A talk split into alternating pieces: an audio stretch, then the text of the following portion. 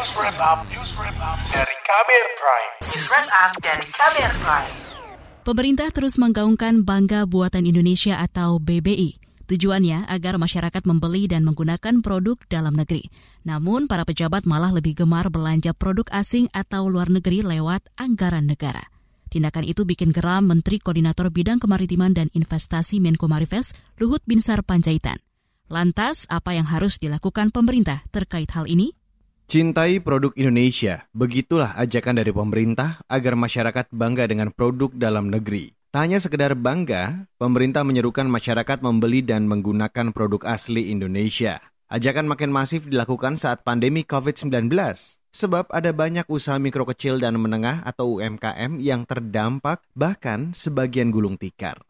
Namun faktanya, masih banyak pejabat negara yang tidak mendukung produk-produk dalam negeri. Hal itu disampaikan Menteri Koordinator Bidang Kemaritiman dan Investasi atau Menko Marifes, Luhut Binsar Panjaitan. Kata dia, ada sejumlah pejabat negara yang masih suka membeli produk asing atau luar negeri.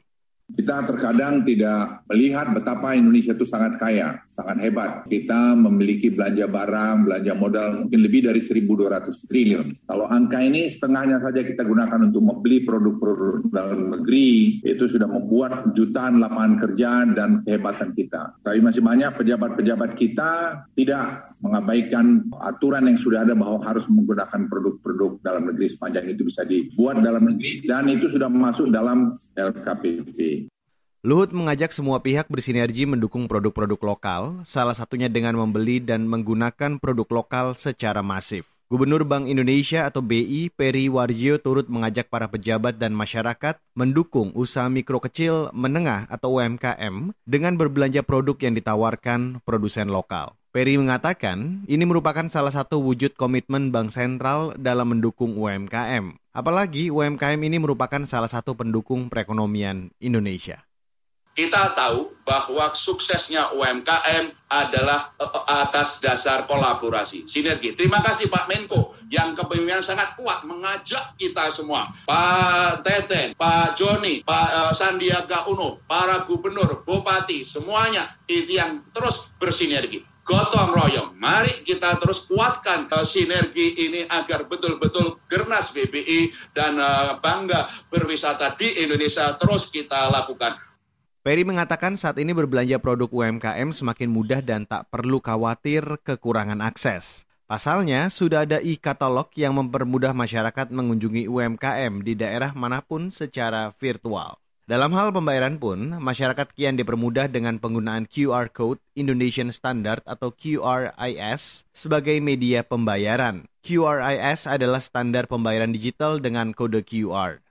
Namun Menteri Koperasi dan Usaha Kecil dan Menengah atau Menkop UKM, Teten Masduki juga berharap pelaku usaha kecil dan menengah mulai meningkatkan daya saing dengan mengadopsi teknologi. Hal ini penting agar produk-produk UMKM bisa lebih diutamakan dan diprioritaskan dalam belanja pejabat negara kita mungkin bisa menghadirkan turisme yang berbasis pengembangan teknologi tadi. Sekarang ini uh, dari pelosok desa mana pun dengan digitalisasi ini sekarang bisa terhubung ke seluruh dunia, bisa terhubung ke market yang sangat besar. Sementara itu, Ketua Asosiasi UMKM Indonesia atau Akumindo Iksan Ingra Tubun menilai, Tak cukup hanya sindiran untuk meningkatkan kepedulian terhadap produk lokal seperti yang sudah dilakukan Menko Marifes Luhut Binsar Panjaitan.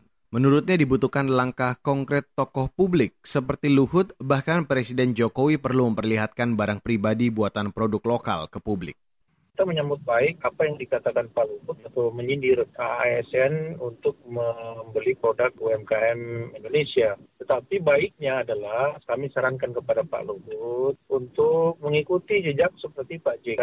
Ya, Pak JK pada saat uh, menjadi wapres kemarin bahwa dia mencontohkan, beliau mencontohkan secara konkret bahwa ini loh saya pakai sepatu Cibaduyut dengan dibuka langsung ya langsung di, di, diperlihatkan. Nah itu menurut saya, menurut kami adalah contoh yang baik untuk kepada para ASN untuk menggunakan produk-produk UMKM Indonesia.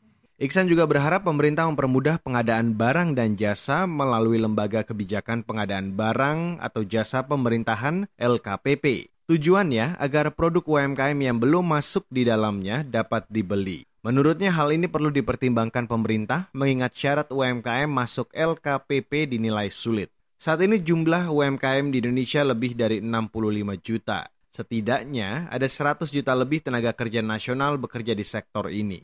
UMKM juga memiliki kontribusi besar terhadap pendapatan domestik bruto Indonesia, yakni lebih dari 60 persen. Demikian laporan khas KBR disusun Reski Novianto, saya Reski Mesanto.